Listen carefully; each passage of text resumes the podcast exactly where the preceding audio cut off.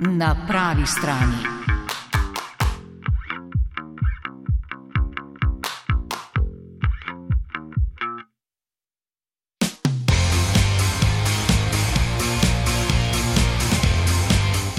Ženski pevski zbor Kombinat 8. marca na shodu v Ljubljani in vse polno ljudi različnih spolov, starosti in družbenih skupin, ki zahtevajo nekaj povsem drugega od tega, kar trenutno živimo. Na matina, mi so sveljato, o bella ciao, bella ciao, bella ciao, ciao, ciao, na matina, mi so sveljato, e ho trovato l'invasor.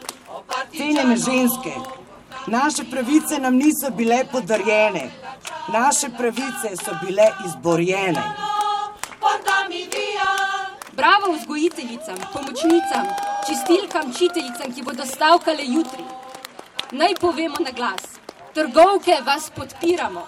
Jutri stavkate vi, naslednjič utegnemo mi. Ampak le skupaj nam bo res uspelo. Hvala.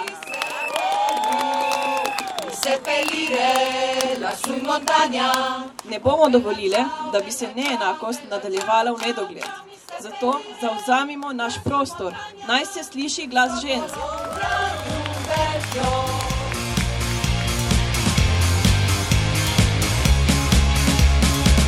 Naj se sliši glas žensk, v parlamentu pa skoraj istočasno na 8. marec poslanec aktualne vlade, poslanki opozicije zagrozi, da jo bo fizično odnesel iz dvorane. Zdaj dejansko smo v fazi, ko še samo zamahneš z roko in si rečeš, vse bo minilo, vse kmalo bodo te politike na smetišču zgodovine pravi moja sogovornica, ki že vrsto let kritično gleda pod prste našim politikom, dolgoletna novinarka in kolumnistka časopisa Dnevnik Tanja Lesničar Pučko in doda: Sveda je to upanje iluzorno, ne glede na trenutne volitve, bo ta mizoginija ostala zaradi tega, ker, ker je pač enostavna. Ker je to najbolj primitiven in najbolj enostaven način, kako nekoga diskvalificiraš in diskvalifikacije najnižje sorte se v teh dneh kar vrstijo. Doktorica Jana Javornik z Univerze v Licu.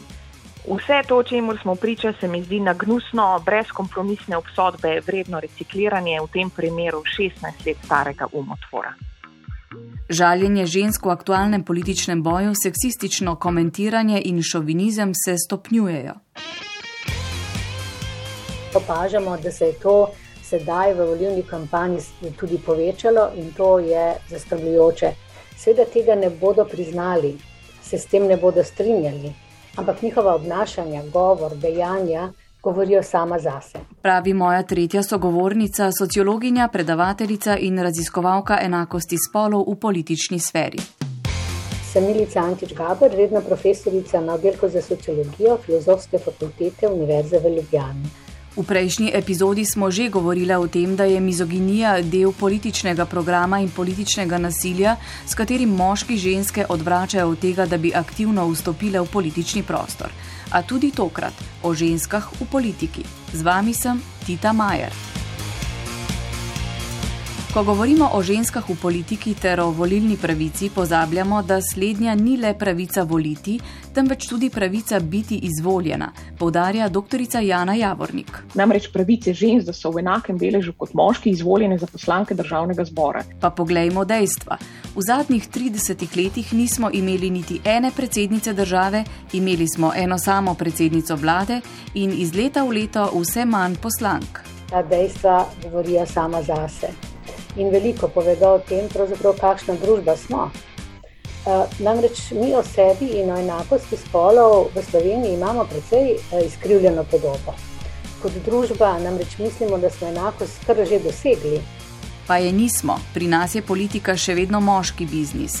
V državnem zboru trenutno sedi le 26 poslank, kar je manj kot četrtina.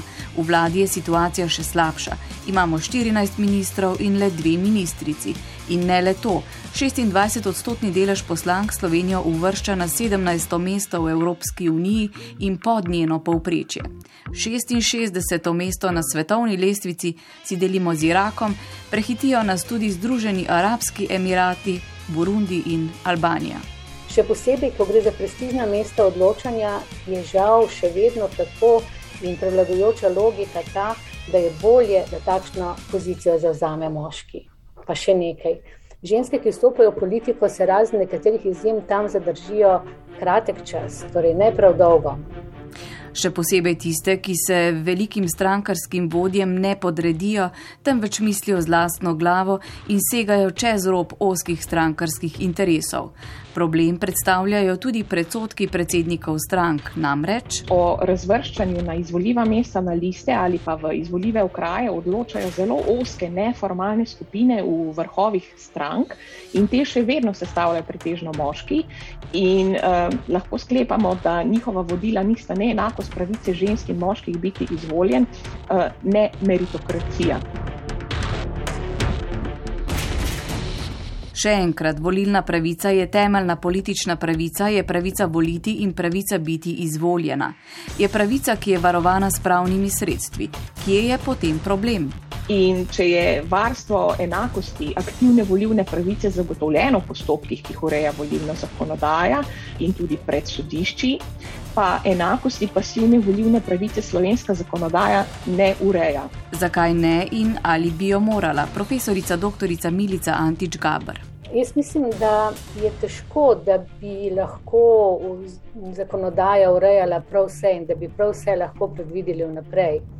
Lahko pa bi pri organizaciji dela nekaterih, recimo odločevalskih teles, zapisali, da morajo biti spolno uravnotežena in bi na ta način dali strankam znak, da se morajo potruditi ne le dobiti kandidatke za posamezne volilne okraje, recimo, ampak tudi poskrbeti za to, da bodo izvoljene. To bi pomenilo, da bi se stranke s tem morale ukvarjati vse čas, ne samo pred volitvami, da bi za te aktivnosti morale alocirati tudi finančna sredstva, imeti usposabljanja, imeti bazen primernih kandidatk in podobno.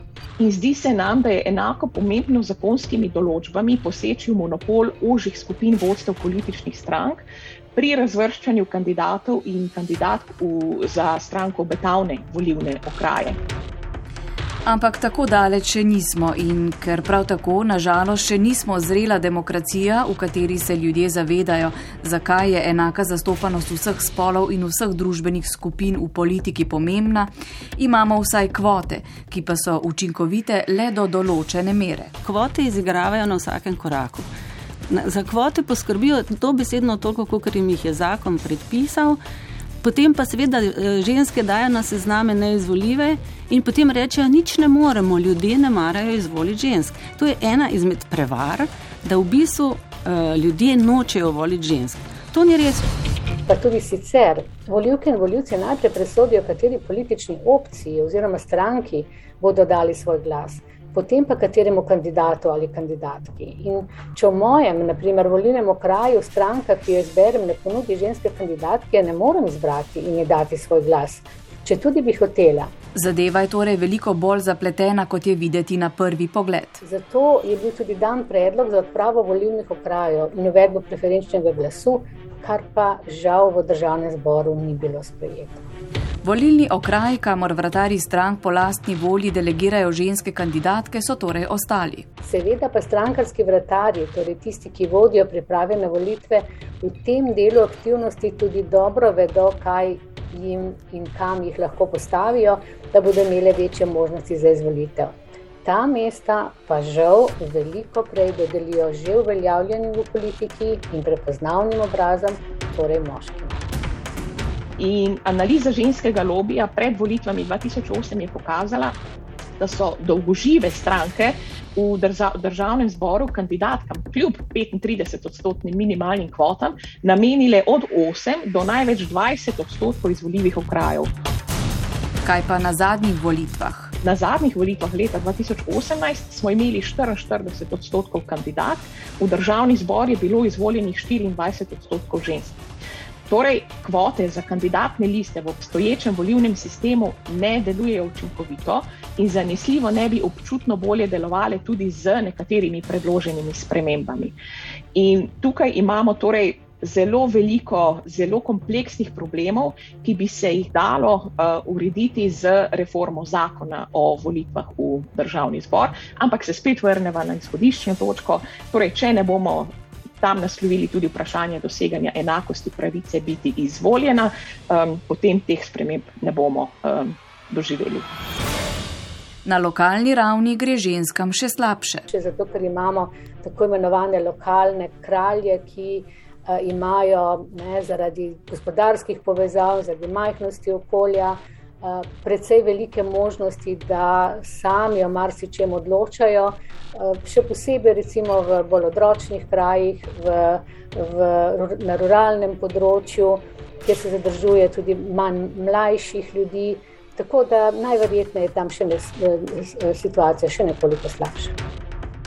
Veliko krat tudi slišimo v javnosti kritike eh, ženskih eh, kvot eh, na način, da ne delujejo, da jih pravzaprav ne potrebujemo. Kaj bi se po vašem mnenju zgodilo, če kvot ne bi imeli? Jaz sem prepričana, da bi bila situacija še slabša in to ne govorim na pamet. S tem vprašanjem se raziskovalno ukvarjam že kar nekaj časa in lahko z gotovostjo rečem, da bi bila situacija veliko, veliko slabša. Podobno doktorica Jana Javornik.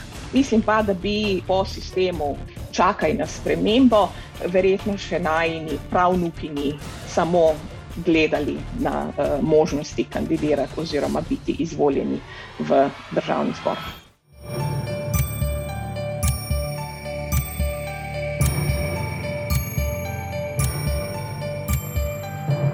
Poklicala sem na Islandijo, kjer je enako spolov najvišja na svetu in kjer so se leta 2009 ob nastopu ekonomske krize odločili, da bodo odslej preprosto volili ženske.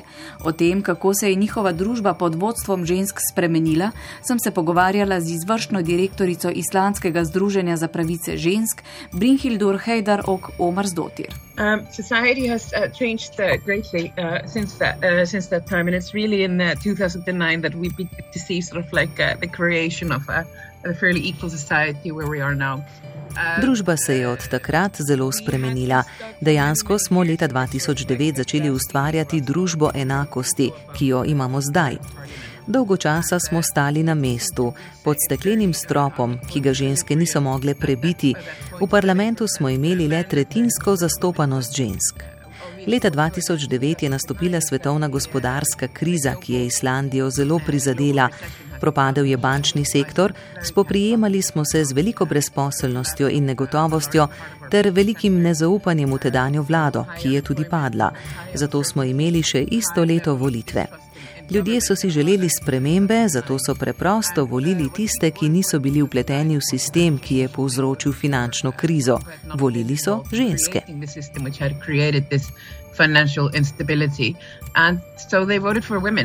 Uh, when we looked at uh, the, how, the way the financial institutions were run uh, before uh, the uh, before the recession, is that not a single woman was uh, was in the board of any of the financial institutions. Not a single woman was in the board.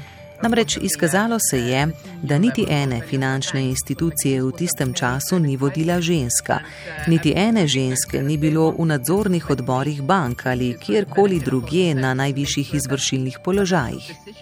Ljudem je bilo jasno, da so krizo povzročili moški. In ker so želeli, da bo v prihodnje drugače, da o finančnih zadevah ne bodo odločali le moški, temveč raznovrstne skupine ljudi, ki bodo enakovredno zastopali islandsko prebivalstvo, so spremembo tudi dosegli. Moram reči, da se je islandski parlament v zadnjih 13 letih popolnoma spremenil. Pred letom 2009 so v parlamentu na področju enakosti spolov in pravic žensk sprejeli enega ali morda dva zakona na deset let. V zadnjih desetih letih, ko so na oblasti ženske, pa smo sprejeli tudi do pet ključnih zakonov na leto. Zdaj, ko imajo ženske politično moč, da odločajo, da sprejemajo zakonodajo, dejansko spreminjajo našo družbo na bolje. Vsako leto postajamo boljša družba. Občutek, da lahko živim v državi, kjer se iz leta v leto dogajajo spremembe na bolje, kjer kot družba napredujemo, kjer ni nikjer videti nazadovanja, le to, da postajamo država, na katero smo lahko izjemno ponosni. Ta občutek je veličasten.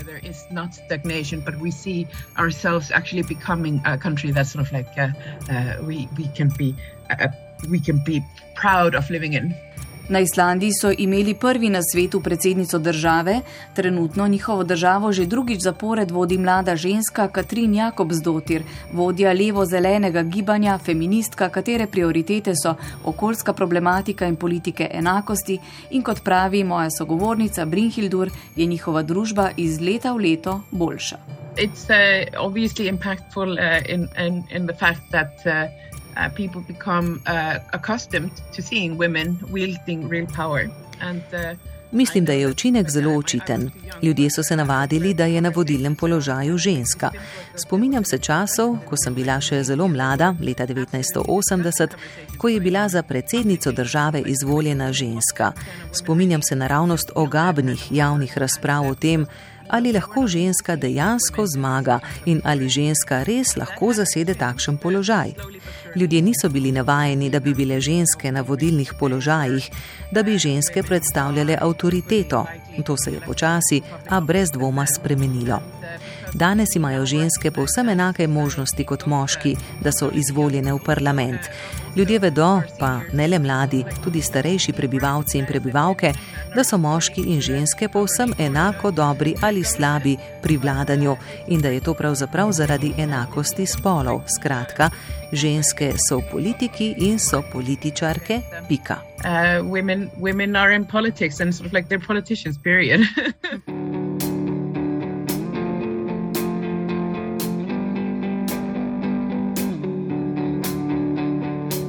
Ženske so političarke in pika, pa pri nas, nažalost, se ženske tudi tokrat politično niso organizirale, vendar se je zgodila izjemna aktivacija v civilni sferi. Tanja Lesničar Pučko. To je en vidik, po drugi strani tudi drugi vidik, kot smo rekli. Um, zunaj strank je politično odesovanje. V bistvu se zvede na raven um, teorije ali kakšnega aktivizma, in tako naprej. In tega je seveda ogromno, ne? mislim, tudi te upore, pravzaprav v veliki večini so ženske aktivirane. Ne? Se pravi, ni da bi, ženskam, da bi ženske nekako, ne vem, kot v 19. stoletju prepuščale moškim. No, takrat se jim po zakonu morali prepuščati, da rečemo, urejene družbe in države. Ampak so dejansko šle v te, v te nevladni sektor, v te, da rečem, aktivizem in tako naprej, kjer je dejansko situacija dosti bolj liberalna kjer ženske imajo dostop in se lahko dejansko mirno vključujejo, in pač spol sploh ni vprašanje. Medtem ko je dejansko to, da pa ne pride v parlament, je pa, kot sem rekla, problem strank. Stranke jih nočejo. Stranke so ustanovili moški za moške, pa če se tega zavedajo ali ne. In najbolj žalostni so tisti, ki mislijo, da niso taki. Mislim, te mačote oziroma te šoviniste in mizogine, te so pač transparentni. Problem so tisti moški, ki v sebi mislijo, da so za enakost, delajo pa dejansko proti tej enakosti. No. Bi rekli, da je razlog v tem, da pravzaprav ne gre za neke interese javnega dobrega in razvoja in postati bolj inteligentna in uspešna družba, gre za moč. Ne? Politika. Seveda, mislim, tukaj se pač deli plen, ne? še zmeraj je to pač plenilska politika. Tukaj gre za, um, prvo za politično moč, s katero se pa ustvarja gospodarska moč, s katero se uh, medije uh, manipulira. Mislim, to, pač, to so avtokratske, uh, da rečem, težnje ki so zdaj postale dejansko obla na oblasti tako močne, da so postale dejansko državna politika. Aktualna državna politika, a pred nami so volitve. Te volitve ne bodo prinesle, po mojem, čisto nič boljšega nič boljšega, zaradi tega, ker so pač prečasne in zaradi tega, ker je bil ta politični boj v zadnjih časih tako močan, da so res tudi te, recimo, kul cool stranke, so se res borile na drugih frontah in seveda jaz mislim, da bodo dejansko razočarale v smislu tega, koliko bo žensk in če bodo. Kje so jih staknili? Ne? Je to na zadnje sestrično uskočila zaradi tega, ker so se ustrašili kritike javnosti, ali so pa dejansko našli eh, dejansko res eh, visoko kompetentne ženske, ki bi lahko tej državi kaj dobrega naredile. Pa še tiste, ki so vendarle uspele vstopiti v sfero politike, mediji spet in še vedno ocenjujejo, analizirajo, presojajo in kritizirajo ne kot političarke, temveč najprej in predvsem kot ženske. Da imajo pri utrjevanju spolnih stereotipov mediji veliko vlogo, poudarja profesorica dr. Milica Antič Gabar. Eni od zadnjih televizijskih soočenj, ki sem ga spremljala, so bili vsi trije komentatorji, na primer moški, po nekem soočenju. To se mi zdi nespremljivo za ne, sedanji čas, za 21. stoletje.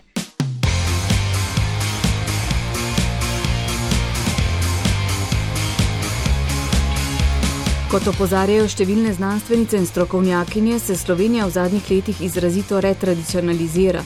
Pod vprašaj se postavljajo že priborjene pravice žensk. Prejšnji teden je naprimer državni zbor obravnaval skrajšanje očetovskega dopusta, s čimer se dela velik korak nazaj z vidika zagotavljanja enakosti spolov.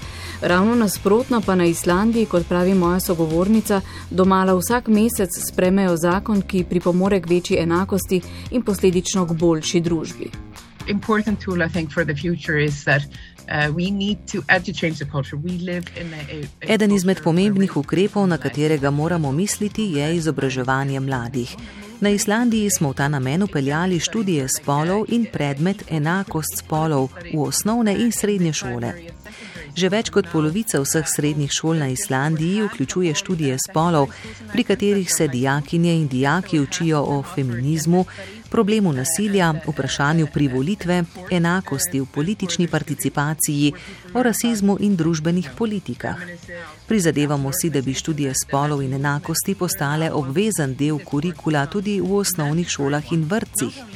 Mislim, da se moramo z otroki zelo veliko pogovarjati o pomenu enakosti spolov in jih o tem izobraževati, saj bodo oni tisti, ki bodo lahko ustvarili novo kulturo, takšno, ki ne bo več temeljila na nasilju, temveč na enakosti in spoštovanju. Finish the job. They are the ones that will create a new culture which isn't based on, on violence, but is based on, on, on equality and respect.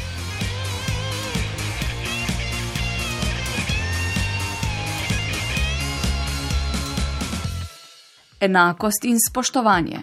Ja, to je plas, ne? tako kot imamo mi obratni plas, da se dejansko te pravice zmanjšujejo tam, kjer pa je dosežena ta stopnja, da rečem enakosti, se pa dejansko poboljšuje. Vse to je groza, ne? da jim bizmo mi tiščimo zdaj to sneženo kepo nazaj gor na hrib, no, Sizifovo kroglo, bolj bi rekla, kot kaj druga skalo.